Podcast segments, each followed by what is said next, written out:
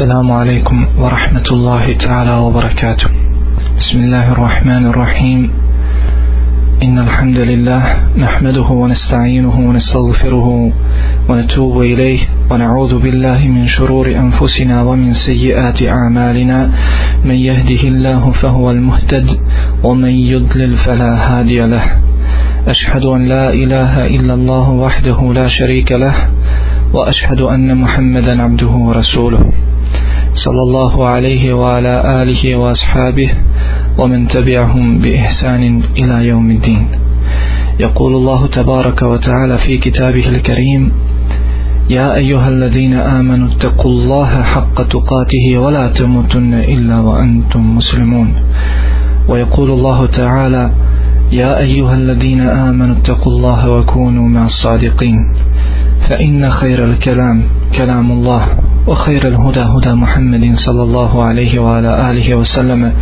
وشر الأمور محدثاتها وكل محدثة بدعة وكل بدعة ضلالة وكل ضلالة في النار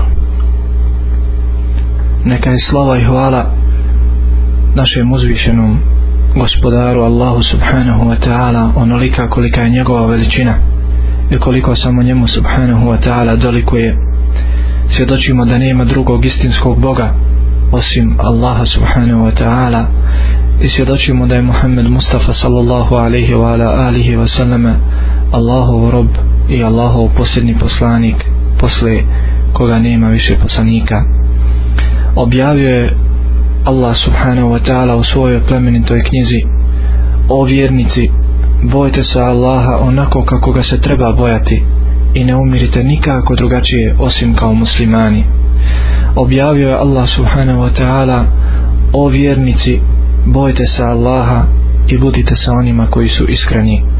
Znajmo, draga moja braćo plemente i cijenne sestre, da je najbolji govor, Allahu Đalašanohu govor, a najbolja uputa uputa Muhammeda Mustafa sallallahu alaihi wa ala alihi wa sallam i znajmo dobro da su najgore stvari u vjeri novine jer svaka novina u vjeri je novotarija a svaka novotarija je zabluda a svaka zabluda neminovno neminovno vodi u džahennem u vatru da nas Allah djelašanuhu sačuvanje amin večeras nećemo govoriti o onima koji se utapaju u rijekama, jezerima ili morima.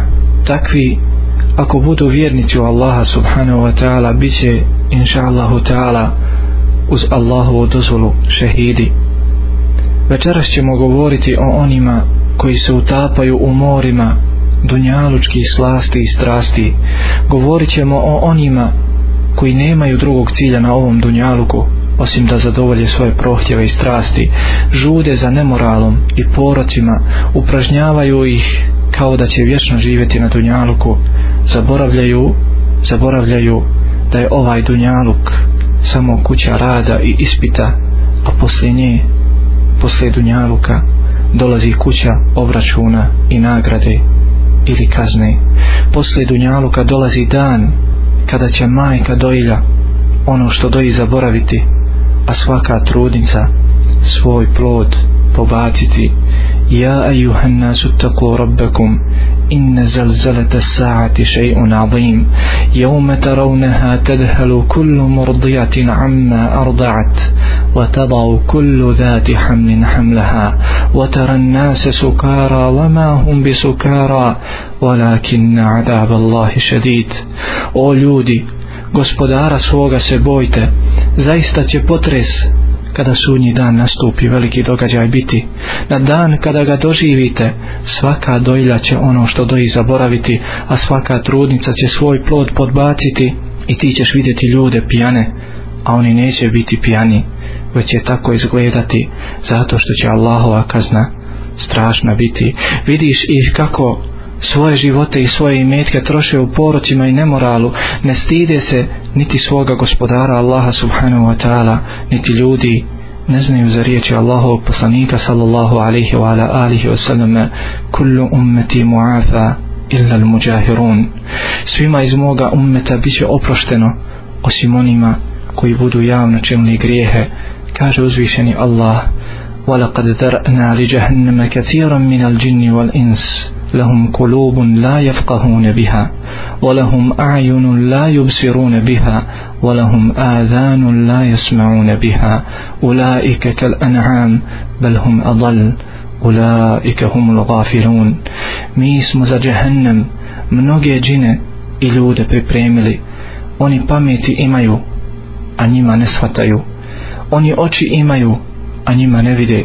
Oni uši imaju, a njima ne čuju oni su kao stoka čak i gori oni su zaista nemarni utapaju se u morima slasti i strasti a da to i ne primjećuju wa in yuhlikuna illa anfusahum wa ma yash'urun i sami sebe obropaštavaju a da i ne primjećuju hode putevima čiji je početak slast a kraj džehennem i nar hode putevima čiji je početak kratko uživanje a kraj patnja nesnosna i vječno kajanje metaun qalil thumma ma'wahum jahannam wa bi'sal mihad kratko uživanje a poslije jahannam će biti mjesto gdje će boraviti a užasno je to boravište wa mal hayatu dunya illa la'ibun wa lahu wa lad-daru al-akhiratu khayrun lil-ladina yattaqun afala ta'qilun život na ovom svijetu je samo igra i zabava a onaj svijet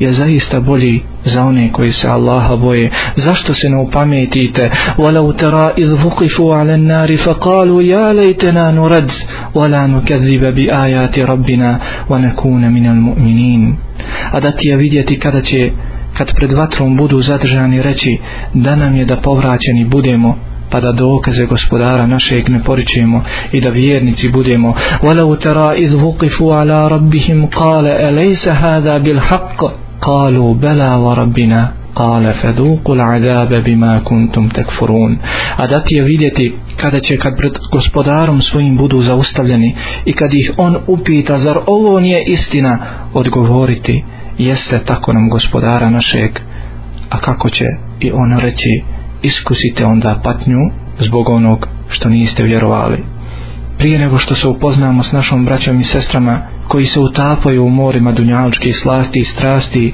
upućujem nekoliko riječi onima koji su se ukrcali na lađu spasa, upućujem nekoliko riječi onima koji su spoznali cilj svog življenja i vivslovanja na ovom dunjaluku. Dođite da zajedno izbavljamo našu braću i sestre iz ovog poniženja i prezrenosti. Ne zaboravimo riječi Allahovog poslanika sallallahu alaihi wa ala alihi wa salame, la ju'minu ahadukum hatta yuhibba li akhihi ma yuhibbu li nafsihi niko od vas neće biti pravi vjernik sve dok ne bude želio svome bratu ono što želi sebi zaista su oni potrebni za nekim ko će ih razumjeti i pružiti im ruku spasa ponuditi im izlaz iz tmina u kojima pomiru zaista su oni u potrebi za milostivim srcima kaže Allahu poslanik sallallahu alejhi ve ala alihi ve selleme ar-rahimun yarhamuhumur rahman onima koji su milostivi smilovat će se milostivi. Zaista su oni u potrebi za lijepom riječju, kaže Allahu poslanik sallallahu alihi wa alihi wa sallame, wa le kelime to tajive to sadaka, a lijepa riječ je sadaka.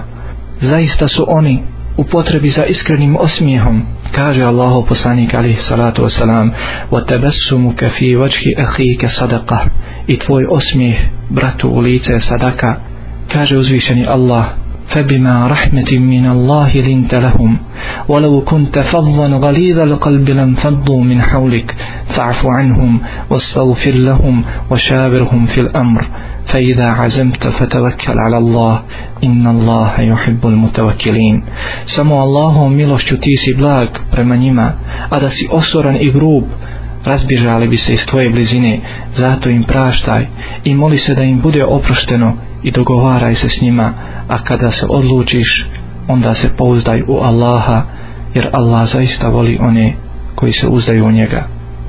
Hajde da poslušamo nešto o njima, o njihovom svakodnevnom životu, utopljenici, njihovo vrijeme ispunjeno je igrom i zabavom, pjesmom i muzikom, znaju imena pjevača i pjevačica, glumaca i glumica, zvijezde estradne muzike, metalne muzike, zvijezde filma, subhanallah, zaboravljaju da zvijezde insanu, čovjek učine dobro, osvjetljavaju mu put, a ovi šeitani, ove zvijezde, odvode čovjeka u zabludu, tmine i propast. Čak šta više, poznaju njihove želje, znaju šta vole jesti, šta vole piti, kada odlaze na spavanje i kada ustaju, ali ne poznaju život Allahov poslanika sallallahu alihi wa ala alihi wa sallame, iako je rekao uzvišeni Allah u svojoj plemenitoj knjizi, لقد كان لكم في رسول الله أسوة حسنة لقد كان لكم في رسول الله أسوة حسنة vi u Allahom poslaniku imate divan uzor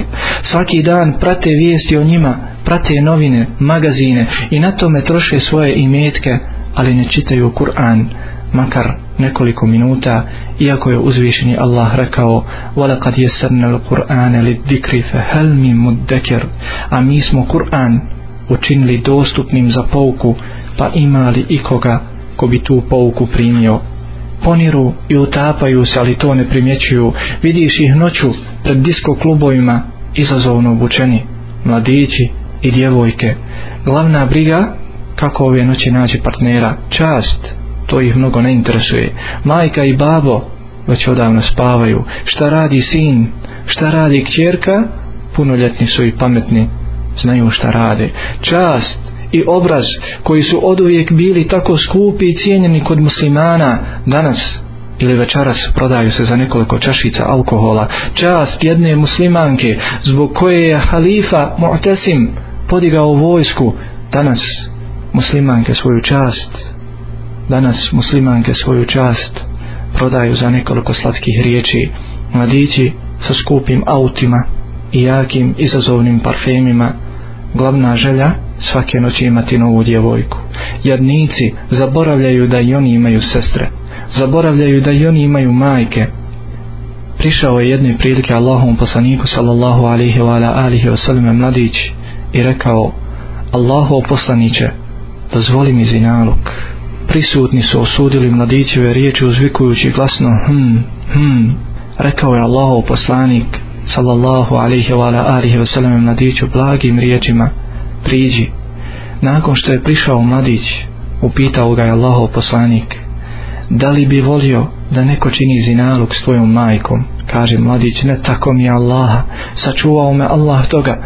Kaže Allahu poslanik sallallahu alihi wa alihi sallame, također i drugi ljudi ne vole da se to čini s njihovim majkama. Da li bi volio da neko čini zinaluk s tvojom sestrom? Kaže mladić, ne tako mi je Allaha, sačuvao me Allah toga. I nije prestao Allahu poslanik sallallahu alihi wa alihi sallame da ga ispituje, da li bi volio da se to čini s tvojom čjerkom? A mladić je neprestano odgovarao, ne tako mi je Allaha sačuvao me Allah toga. Zatim je Allahu poslanik sallallahu alihi wa alihi wasallam stavio svoju mubarek ruku na mladićevu glavu i rekao Allahumma gfir dhambe wa tahir qalbe wa hassin farjah gospodaru moj oprosti mu grijehe očisti njegovo srce i sačuvaj mu stidno mjesto ustao je mladić a u njegovom srcu nije mu bilo mrže stvari od zinaluka a ti, ti koji ponireš u moru zinaluka, koji razmišljaš i planiraš koju ćeš jadnicu večeras imati, da li želiš da se to radi s tvojom porodicom, želiš li da neko čini nemoral s tvojom ženom, tvojom kjerkom, sestrom, odgovor ostavljam tebi. Odgovor ostavljam tebi, a ovom prilikom spominjem ti jedan slučaj, istiniti slučaj. Od tebe tražim da napregneš svoje uši i okreniš svoje srce. Ne zaboravi sebe u svemu ovome, dok slušaš, razmisli o sebi i svome stanju. Dva ahbaba, dva muslimana, bili su nerazdvojni. Nije se nikako mogao vidjeti jedan bez drugoga, međutim, jedne godine uzvišeni Allah je dao da se razdvoje. Jedan od njih je imao potrebu, posao koji je morao obaviti u drugoj zemlji. Taj posao je potrajao poslije nekoliko godina desetak ili nešto više vratio se ovaj i potražio svoga druga na starom mjestu tamo gdje je od uvijek stanovao obavijestili su ga da on njegov drug već odavno tu ne stanuje a gdje sada stanuje nisu mu znali reći tražio ga je na svim mjestima u gradu ali niko ništa nije znao o njemu ovaj dok je boravio u drugoj zemlji obavljao posao zbog kojeg je otišao nakon što je Haidli završio svoj posao, zavjetovao se da neće nikoga kome bude bila potrebna pomoć ostaviti, a da mu ne pruži pomoć onoliko koliko on bude mogao. Putujući tako kroz okolna mjesta i tražići svog prijatelja, jedno večer prolazio je kroz staro, najizgled napušteno naselje. Sve je bilo porušeno, niko se nije mogao nadati da tu neko stanuje. Odjednom, u toj mrtvoj tišini začuo se krik urlik koji je iskazivao veliku dozu bola ovaj musliman odmah se uputio mjestu iz čijeg se pravca začuo javuk došao je do jedne porušene kućice i pokucao na vrata nakon nekoliko pokušaja otvorila se vrata uz veliku škripu iza vrata stajala je djevojčica od nekih deseta godina. Njena odjeća sva je bila pohabana, dotrajala, djevojčica je bila sva u suzama. Upitao je ovaj čovjek, je li se iz ove kuće čuo jauk? Mala djevojčica je kratko klimnula glavom i kroz suze progovorila da to moj baba upravo sada umire. Kaže ovaj čovjek, ušao sam u prostoriju koju je slabo osvjetljavala mala svjetiljka sva prostorija je zaudarala čudnim mirisom. Na starom krevetu, na sredini dobro provaljenom, ležala je nepomična silueta. Ležao je čovjek. Nakon što sam se primaknuo, licu tog čovjeka, pored čije glave je bila mala svjetiljka, njegove usne, tiho su prošaputale. Konačno si me našao, moj stari prijatelj zaprepastio sam se, kaže ovaj, nisam mogao da dođem sebi, zar je ovo moj nekadašnji, nerazvojni prijatelj, otkuda ovdje, ko je ova djevojčica, toliko dugo ga nisam vidio i on sada umire.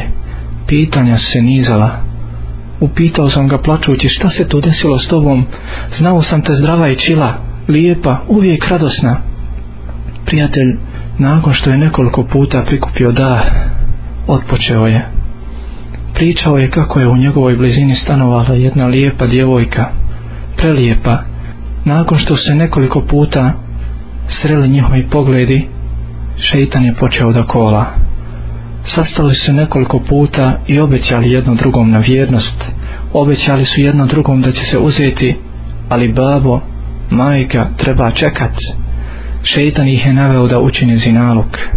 Nekoliko puta poslije toga ova djevojka je tražila od njega da se uzmu, a on je uvijek nalazio izgovor. Babo, majka, treba čekati. Stalno je odgažao. Međutim, kada se ukazala trudnoća ove djevojke, on nije više mogao naći izgovora. Šeitan ga je ponovo naveo na grijeh. Savjeto mu je da pobjegne, nestane iz svog mjesta. Pobjegao je ovaj nadajući se da će se time sve završiti, ali bježanjem od problema sami problemi se ne rješavaju. Poslije nekoliko godina dolazi pismo na njegovu adresu. Otvara pismo kad tamo na starom, uveliko pocijepanom papiru, nekoliko reda ispisanih kao drtavom ili polesničkom rukom, to je bilo pismo djevojke s kojom je počinio zinalog. U pismu između ostalog pisalo, ovo ti pismo ne pišem, kako bi obnovili našu nekadašnju ljubav i ponovo se sastali, nego ovim pismom želim da te obavijestim da si ti ubio moju majku i mog babu. Srce im je puklo za onim što se desilo sa mnom. Ja, nakon što sam se porodila, ostavila sam ih i pobjegla s ovom našom siroticom. Umrli su žalići za mnom. Umrli su, a sada umirem ja. Molim te samo da me pronađeš na ovoj adresi i pobrineš se za ovu našu pobrineš se za ovu našu siroticu zatvorio je pismo i odmah se uputio na adresu spomenutu u pismu došao je pred staru porušenu kućicu pošto posle njegovog kucanja niko nije otvarao ušao je u mračnu sobicu i kraj male svjetiljke zatekao svoju malu djevojčicu su u suzama plakala je nad svojom majkom koja je već bila umrla. Kaže ovaj, te noći sam se zavjetovao da ću živjeti onakvim načinom života kakvim je ona živjela, sve dok me Allah ne usmrti u mukama u kojim je ona umrla. I evo sada, evo sada umirim i nadam se da će mi uzvišeni Allah oprostiti moj grijeh koji sam počinio, a tebe moj stari prijatelju, molim da se pobrineš za ovu, za ovu malu moju siroticu zatvorio je oči i ispustio dušu. Početak slasti i uživanje, a kraj kraj patnja i vječno kajanje. Kaže Hasan al-Basri rahmetullahi ta'ala ali u Omerovo vrijeme živio jedan mladić. Bio je poznan po čuvanju, obavljanju namaza u mesđidu. Jedne prilike dok je išao do mesđida, prišla mu je lijepa i ugledna žena i pozvala ga na nemoral.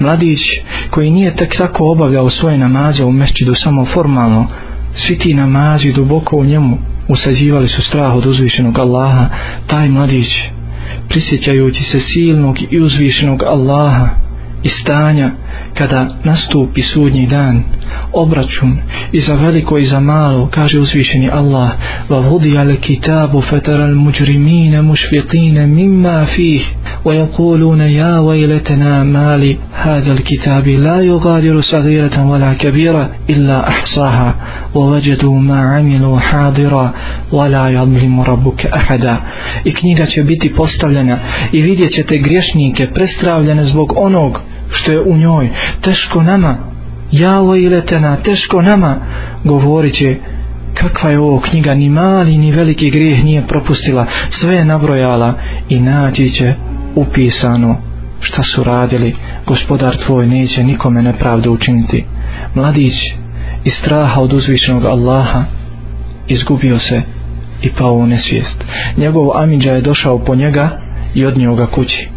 Kada se mladić probudio, rekao je, Amidža moj, otiđi do Omera, prenesi mu od mene selam i pitaj ga šta je s onim koji se pobojao stajanja pred svojim gospodarom. Došao mu je Omer i jednog trenutka dok je tekao razgovor između mladića i Omera radijallahu ta'alan, mladić je zajecao, duboko uzdahnuo, a zatim pustio svoju plemenitu dušu rekao je Omer radijallahu ta'ala an voli men hafe meqame rabbihi džennetan fe bi ejji ala i rabbikuma tukedziban a za onoga koji se stajanja pred gospodarom svojim bojao bit će dva dženneta pa koju blagodat koju blagodat gospodara svoga poričete tako mi uzvišenog Allaha kaže Omer radijallahu ta'ala nadam se da je ovaj mladić jedan od onih koji će biti u hladu uzvišenog Allaha onoga dana kada ne bude drugog hlada osim Allahovog čovjek kojeg je pozvala lijepa i ugledna žena a on je odgovorio u istinu ja se bojim Allaha a ti ti koji ne znaš ni za šta drugo osim za zadovoljavanje svojih prohtjeva i strasti uspjeli su bogobojazni a tebe šta čeka ništa drugo ništa drugo do poniženje i propast o ti koji poniriješ u tminama strasti grijesi su ti postali adet više ih ne primjećuješ u tminama si volumatun ba'duha fauqa ba'd idha ahređe jedehu lam je kad je raha wa man lam jeđali allahu lahu nura fama lahu min nur tmine sve jedna iznad druge prs se pred okom ne vidi a onaj kome Allah ne da svjetlo neće svjetla ni imati. Živiš bez ikakvog smiraja i rahatluka, bez ikakve sigurnosti i sreće naprotiv. Tvoj život i ne može se nazvati životom. Kakav je to život bez vjere u Allaha i sudnji dan? Kaže uzvišeni Allah, Allavina amanu, valam jelbisu imanahum bi zulm, ulaike lahumul amn, vahum muhtedun. Biće sigurni samo oni koji vjeruju i vjerovanje svoje s mnogoboštvom ne miješaju oni će biti na pravom putu, a ti iz problema u problem, iz nevolje u nevolju, iz iskušenja u iskušenje, nema života. Istinu je rekao uzvišeni Allah, وَمَنْ أَعْرَضَ أَنْ ذِكْرِ فَإِنَّ لَهُ مَعِيشَةً ضَنْكَ وَنَحْشُرُهُ يَوْمَ الْقِيَامَةِ أَعْمَا A onaj ko okrene glavu od knjige moje, taj će teškim životom živjeti i na sudnjem danu mi ćemo ga slijepim oživjeti. Ti i tvoji ahbabi utapate se i gušite se, ali ne razmišljate. Grijesi su vam prekrili srca. Uzvišeni Allah, gospodar svih nas, gospodar nebesa i zemlje vas poziva da se ukrcate na lađu spasa efela je tubune ila Allah wa istagfirunahu wallahu gafurur rahim zašto se oni ne pokaju Allahu i ne zamole za oprost ne zamole oprost od njega Allah prašta i samilostan je slušate nasihate savjete upozorenja opomene na žestoku patnju ali ne dolazite sebi znate za istinu i nosioce istine gledate ih svaki dan ali im se ne odazivate kaže vam ono što je rekao uzvišeni Allah ja qawmana ajibu da'i Allahi wa aminu bih jagfir lakum min zunubikum wa yujirkum min azabin alim wa man la yujib da'i Allahi fe lejse bi mu'đizim fil ard wa lejse lahu min dunihi awliya ulaika fi dalalim mubin o narode naš odazovite se Allahovom glasniku i vjerujte u Allaha, on će vam neke grijehe vaše oprostiti i vas od patnje neizdržljive zaštititi, a oni koji se ne odazovu Allahom glasniku, takvi Allahu na zemlji neće umaći i mimo njega neće zaštitnika naći, oni su u velikoj zablodi utopljenici ponirete ali to ne primjećujete ukopavate svoje mrtve da nas uzvišeni Allah sačuva takvog završetka ukopavate ih ali iz toga ne uzimate pouku jedan od mladića nakon što je umro donesen je u gasulhanu da se ogasuli okupa i pripremi za dženazu i ukop priča čovjek koji radi u gasulhani Kada sam otvorio sanduk, ugledao sam tijelo mladića. Bilo je potpuno crno. Prestravio sam se, naročito kada sam saznao da je ovaj što ga je donio u Gasulhanu, što ga je dovukao u Gasulhanu, brat mu, on je bio bijel. Upitao sam ga, je li tvoj brat bio bijel? Odgovorio mi je kratko, da. Tražio sam od njega papire iz bolnice, dao mi je nepotpune papire, jedan papir je nedostajao. Papir koji je svjedočio o načinu smrti ovog mladića. Insistirao sam da mi da ovaj papir, pristao je pod uslovom da ga nikom ne pokazujem. Pogledao sam u papir, kad tamo stajalo je razlog smrti ovog mladića, bila je igla u njegovoj veni i prevelika doza heroina. Priča jedan od ljudi iz bezbjedne službe na putu. Naša zadaća je bila nadgledanje puta i prolaznika i ukazivanje pomoći ukoliko nekome zatreba. U toku svog posla vidio sam mnogo saobraćajnih udesa i mnogo ozlijeđenih osoba. Jednog dana, dok smo nadgledali put, čuli smo jaku škripu košnica, a zatim snažan udar. Okrenuli smo se i vidjeli dva auta. Sudarila su se licem u lice. Požurili smo da izvadimo ozlijeđene osobe iz auta, i prišli smo prvom autu u njemu smo zatekli dva mladića u teškom stanju izvukli smo ih iz auta i položili na zemlju krv je na sve strane tekla iz njihovih tijela iz njihovih grudi moglo se čuti samo hroptanje teško su disali požurili smo do drugog auta već je bilo kasno osoba koja je sjedela za volanom napustila je ovaj svijet vratili smo se prvom autu i ozlijeđenima oni su bili također u času napuštanja ovoga svijeta došao im je smrtni čas moj prijatelj vidjevši da smrt treba da nastupi svakog časa odlučio je da ih postakne da izgovaraju šehadet počeo je blagim riječima da izgovara la ilaha illallah la ilaha illallah la ilaha illallah mladići su samo teško uzdisali ništa nisu progovarali disanje je postalo sve teže i teže kad odjednom mladići su počeli da nešto izgovaraju. Riječi su postajale sve jasnije, subhanallah. U zadnjim trenucima svoga života, umjesto da se sjete uzvišenog Allaha i izgovore šehadat, oni su izgovarali stihove, poznate mi pjesme. I umrli su tako pjevušeći, nisu se odazvali mome prijatelju, nisu izgovorili šehadat. Nakon tog slučaja, kada god bih htio slušati muziku, pred očima mi se javila slika dvojice mladića i njihov, njihov odlazak s ovoga svijeta. Poslije šest mjeseci desio nam se drugi slučaj. Jednom mladiću je pukla guma u samom tunelu. Zaustavio je auto i izašao da sa zadnje strane auta skine ispravnu gumu. Drugo auto dojurlo je ludom brzinom i prosto sastavilo mladiće s njegovim autom. Dojavili su nam za udes i požurili smo ka mjesto nesreće. Zatekli smo mladića u teškom stanju. Njegov donji dio tijela bio je sav zdrobljen. Ubazili smo ga u kombi i požurili ka bolnici. Rekao sam sam sebi, ovaj puta ću ja posticati ovog mladića na šehadet, kao što je to radio moj prijatelj prije. Iz razmišljanja prenuo me glas mladića. U početku nismo mogli razaznati šta govori. Vremenom njegove riječi postajale su jasnije. Subhanallah. Mladić, nepomičan, sav u krvi, učio je plemeniti Allahov govor. I nikada do tada nisam čuo tako lijepo učenje. Učio je إن الذين قالوا ربنا الله ثم استقاموا تتنزل عليهم الملائكة ألا تخافوا ولا تحزنوا وأبشروا وأبشروا بالجنة التي كنتم توعدون نحن أولياؤكم في الحياة الدنيا وفي الآخرة ولكم فيها ما تشتهي أنفسكم ولكم فيها ما تدعون نزلا من غفور رحيم Onima koji govore gospodar naš je Allah, pa poslije ostanu pri tome, dolaze meleki, ne bojte se i ne žalostite se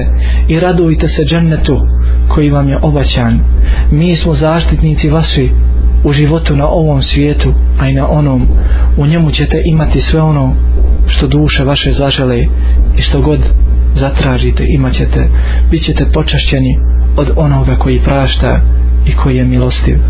Odjednom mladić je prekinuo sa učenjem okrenuo sam se i pogledao ga tad mladić dižući ruku prema nebesima izgovara šehadet la ilaha illallah la ilaha illallah pala je ruka umuknuo je glas klonula je glava priskočio sam donosila u zadnjem dijelu kombija prijatelj je naglo zakočio i povikao šta se desilo šta se desilo opipao sam mladićev puls plemenita duša već je bila napustila mladićevo tijelo rekao sam kao splač preselio je mladić Subhanallah, jesu li isti oni koji se boje uzvišenog Allaha i sjećaju ga se u svim momentima i oni koji su ga zaboravili ne znaju za njega i ne puštuju njegove granice, njegove naredbe i zabrane. Kaže jedan od mladića, bilo nas je trojica, ono što nas je činilo nerazvojnim jeste igra i zabava, pjesma i muzika, ono što nas je spajalo jeste duhan, alkohol i hašiš droga. U stvari, bilo nas je četvorica, četvrti je bio šeitan. Noću bi posjećivali kahvane, noćne klubove i tu bi obično dočekivali zoru. Tako je bilo, sve dok nije došao dan koji neću nikada zaboraviti. Jednog dana izašli smo izvan grada ponijeli smo šatore, ležajeve i ostalo što nam je trebalo, međutim, zaboravili smo hranu. Jedan od mojih prijatelja ustao je, sjeo u auto i otišao da kupi nam hranu. Kada je otišao, bilo je oko 7 sati na večer. Prošao je sat, dva, tri, prijatelj nije dolazio, kroz glavu mi je svašta prolazilo. Sjeo sam u auto i otišao da potražim prijatelja. U putu, ispred sebe primijetio sam vatru. Kada sam se približio mjesto nesreće, prepoznao sam auto svog prijatelja. Kao lud, isletio sam iz auta, prišao prijateljem auto i pokušao ga izvući. Donji dio tijela bio je uveliko zahvaćen vatrom. Prijatelj je bio u nesvijesti, uspio sam ga izvući i položiti na zemlju.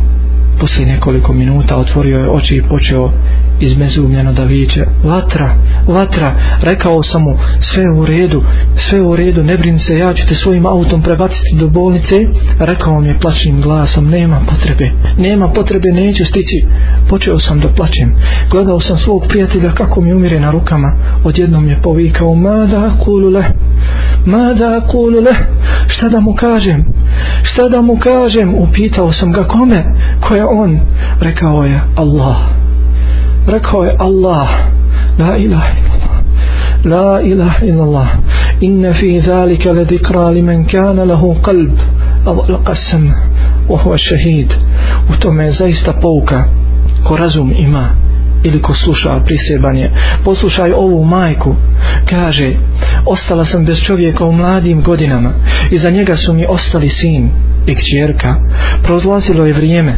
sin i kćerka su rasli osjećala sam potrebu za nekim ko će se brinuti za porodicu, za kuću. Na to mjesto postavila sam sina. Imao je ulogu domaćina kuće. Zamišljala sam ga kao budućeg doktora ili inženjera ili profesora kao što mu je bio otac. Međutim, mladić je bio očava sušta suprotnost. O školi nije vodio računa. Sjećam se koliko i koliko noći sam provela ponavljajući s njim školske lekcije u 15. godini u 15. godini uveliko je bio ovisan o duhanu. Od mene je stalno tražio novac za duhan, davala sam mu sve što je tražio, moja ljubav prema njemu nije imala granica. Kćerka se udala i otišla u svoju novu kuću, stanovala je nedaleko od mene. Ja sam ostala da živim sa svojim sinom. Jedan dan ušla sam u njegovu sobu i zatekla ga kako sam sebi daje injekciju heroina. Zaplakala sam i molila ga da to ne radi i prišao mi je i ošamario me. U tom trenutku sve moje nade pale su u vodu. Sva moja očekivanja više nisu imala smisla. Preda mnom više nije stajao moj sin, nego divljak, životinja, bez pameti i razuma. Počeo je da od mene uzima novac na silu. Ništa me više nije pitao. Razmišljala sam o njegovom stanju, šta da radim. Da li da ga prijavim policiji ili da čekam možda bude prilike da ga povratim i ubijedim u bolje tako jednog jutra tačnije oko tri sahata ujutro dok sam razmišljala o njegovom stanju uletio mi je u sobu izgled mu je bio užasan govor nerazumljiv prišao mi je kao da mu i nisam majka i pocijepao moju odjeću pokušao je da sa mnom učini nemoral uspjela sam se otrgnuti iz njegovih ruku istrčala sam napolje i otrčala do kćerkine kuće. Neka je hvala uzvišenom Allahu kada me niko nije vidio posjepanoj odjeći. Ostala sam kod kćerke mjesec dana. Nakon toga rekla sam joj da idem u mojoj kući. Možda mi je sin umro ili se odselio na drugo mjesto. Vratili smo se ja, moja kćerka i njezina kćerkica, unučica. Vidjeli smo da je sin prodao mnoge stvari iz kuće. Vjerovatno mu je bilo potrebno za heroin toga dana nije dolazio kući. Međutim, u tri sahata ujutro, kao i prije, vratio se. Nismo ga mogle prepoznati. Na sve je ličio, samo ne na čovjeka. Napao je odmah malu unuku. Pokušali smo da mu je otmimo iz ruku, ali nismo uspjele. Pocijepao je odjeću s male djevojčice, namjeravajući da učini nemoral s njom. Otečala sam do kuhinje i vratila se s nožem. La ilaha illallah. La ilaha illallah. Ispred sebe sam gledala životinju kako se iživljava s malim djetetom. Zabola sam nož. Krv je šiknula. Jednom, dva puta, tri, više nisam ni brojala. Nož sam zabadala i vadila sve dok nije pao pored mene mrtav. Ispustila sam nož iz ruke i sjela pored mrtvog tijela. Ja sam bila i nož i rana u koju je zaboden nož. Ja sam bila i ubica i ubijeni.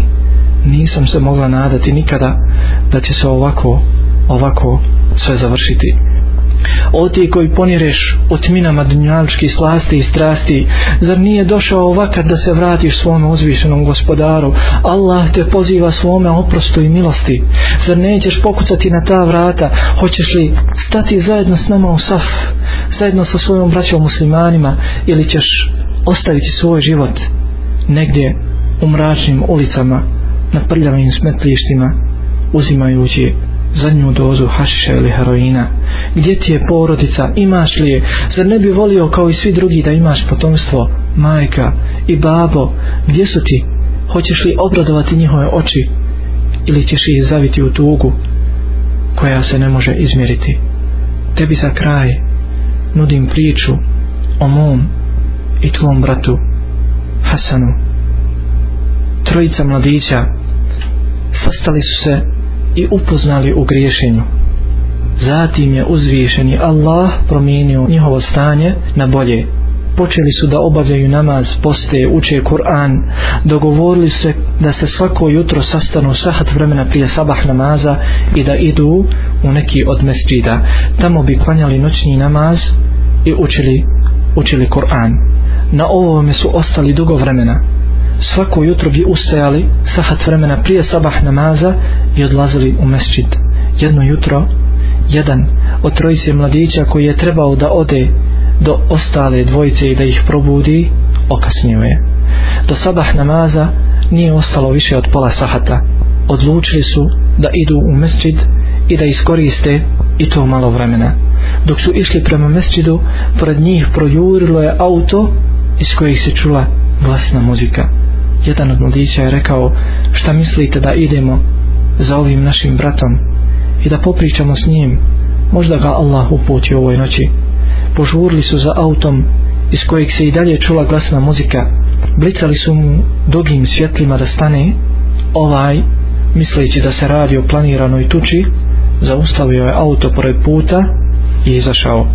Mladić, visokog rasta, širokih pleća, velikih mišića, da šta želite povikao je glasno trojica mladića nasmijali su mu se u lice i rekli assalamu alaikum wa rahmetullahi wa barakatuh kaže ovaj sam u sebi onaj koji želi da se tuče ne naziva salam ne traži mir ali šta želite vi kažu mu znaš li ti koji je sada vakat vrijeme prije sabah namaza najdragocinije vrijeme tada se uzvišeni Allah u zadnjoj trećini noći spušta na dunjaličko nebo i pita ima li neko da traži oprosta pa da mu oprostim ima li neko da moli za nešto pa da mu molbi udovoljim a ti za nemaš nikakvu potrebu kod uzvišnog Allaha kaže ovaj mislim da vi mene ne poznajete ne znate vi ko sam ja kažu ko si ti kaže mladić ene Hasan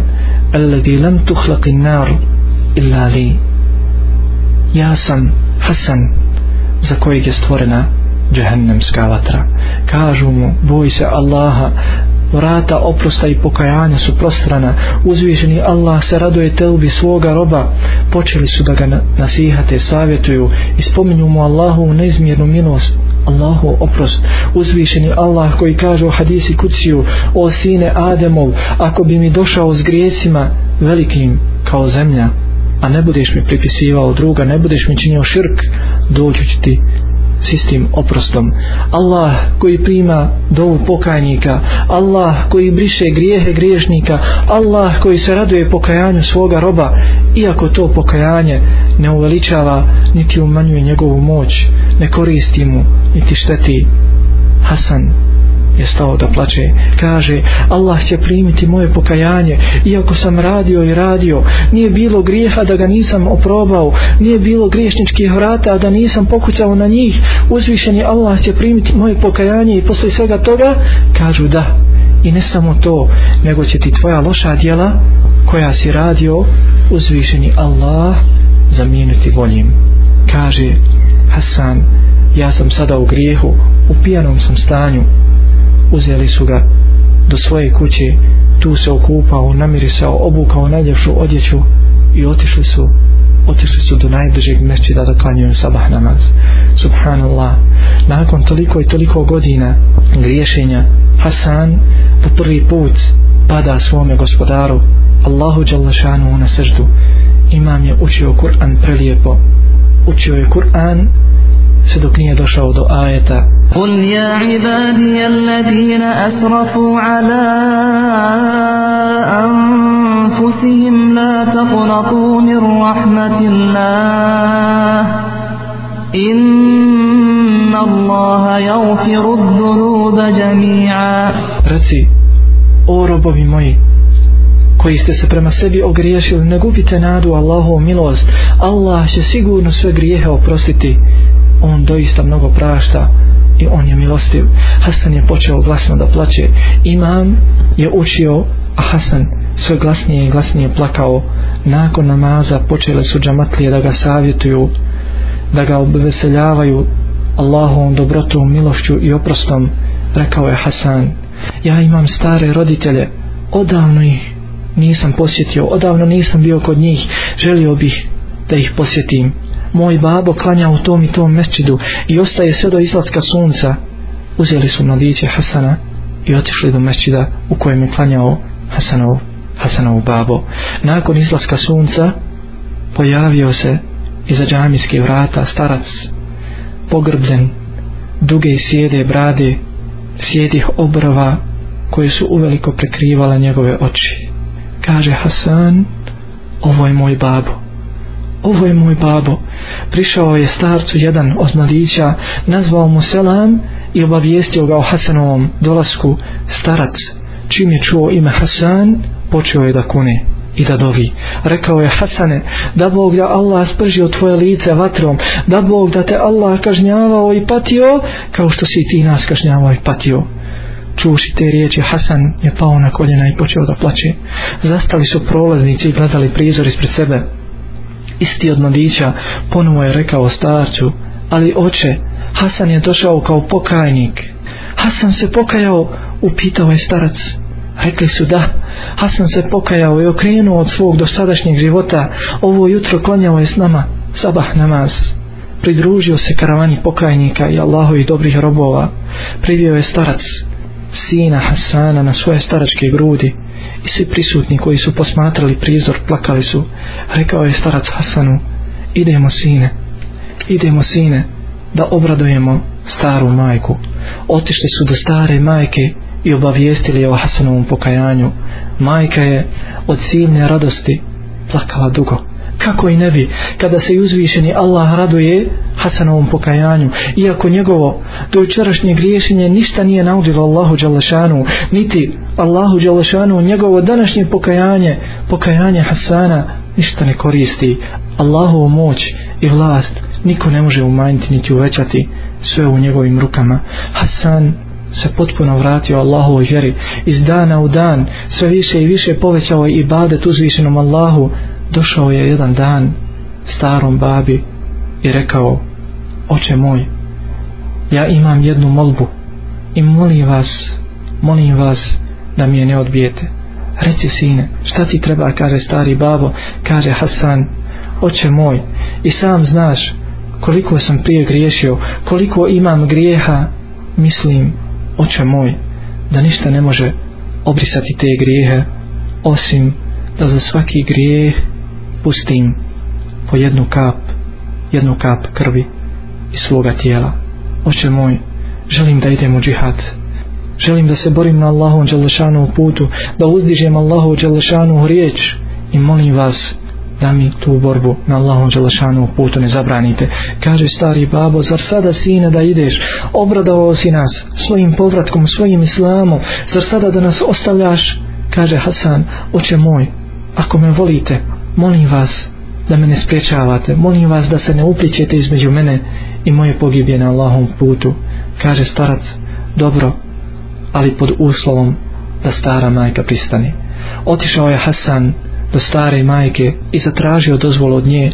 Rekla je majka, zar sada da ide sine? Obradovao si nas svojim povratkom, svojim islamom, zar sada da nas ostavljaš? Kaže Hasan, draga majko, molim vas, ako me volite, da se ne uplićete između mene i borbe na Allahom putu. Molim vas da se ne uplićete između mene i mog šehadeta, moje pogibije, kaže stara majka. Dobro sine, tebi pripada ono što tražiš, ali pod uslovom, pod uslovom da se sutra na sudnjem danu zauzimaš za nas.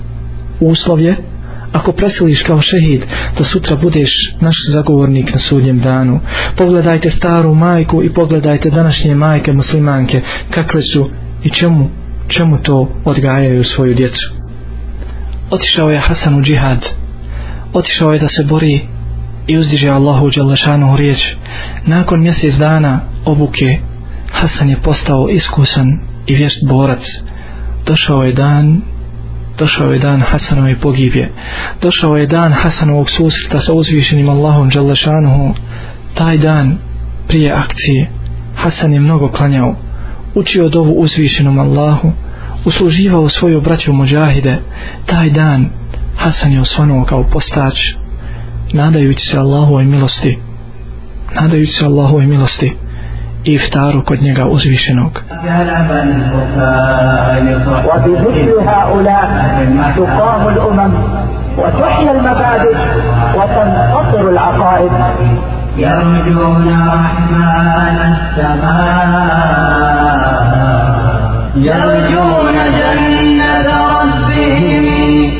Ovakvi su Allahovi borci muđahidi koji žude za onim što uzvišeni Allah ima kod sebe, koji žude za džennetskim blagodatima i blizinom milostivog i samilosnog.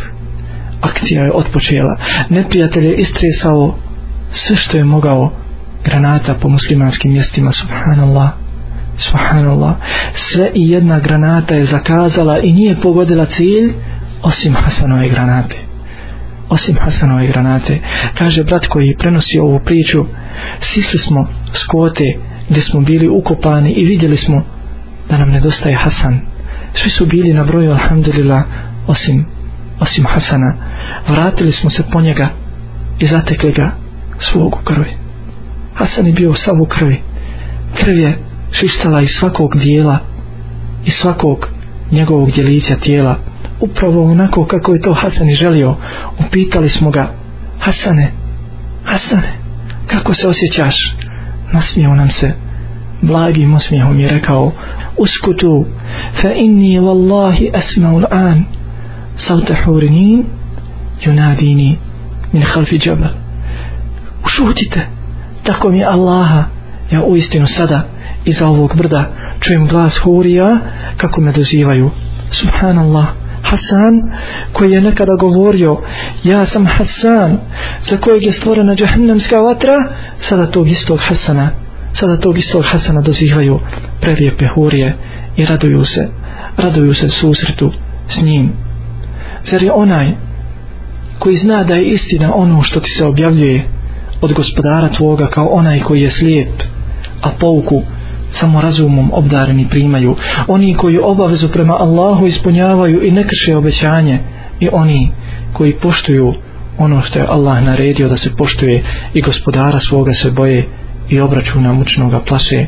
i oni koji trpe da bi postigli naklonost gospodara svoga i koji molitvu obavljaju i koji od onoga što im dajemo i tajno i javno udjeljuju i koji dobrim zlo uzvraćaju njih čeka najljepše prebivalište edenske vrtovi u koje će oni ući i roditelji njihovi i žene njihova i porod njihov oni koji su bili častiti i meleki će im ulaziti na vrata svaka mir neka je vama zato što se trpjeli a divno li je divno li je najljepše prebivalište kažem ovaj govor i molim Allaha Đalašanu da ove riječi upiše na vagu naših dobrih dijela i da nam ih vrati onda kada nam budu najpotrebnija الحمد لله رب العالمين وصلى الله وسلم على نبينا محمد وعلى آله وصحبه وسلم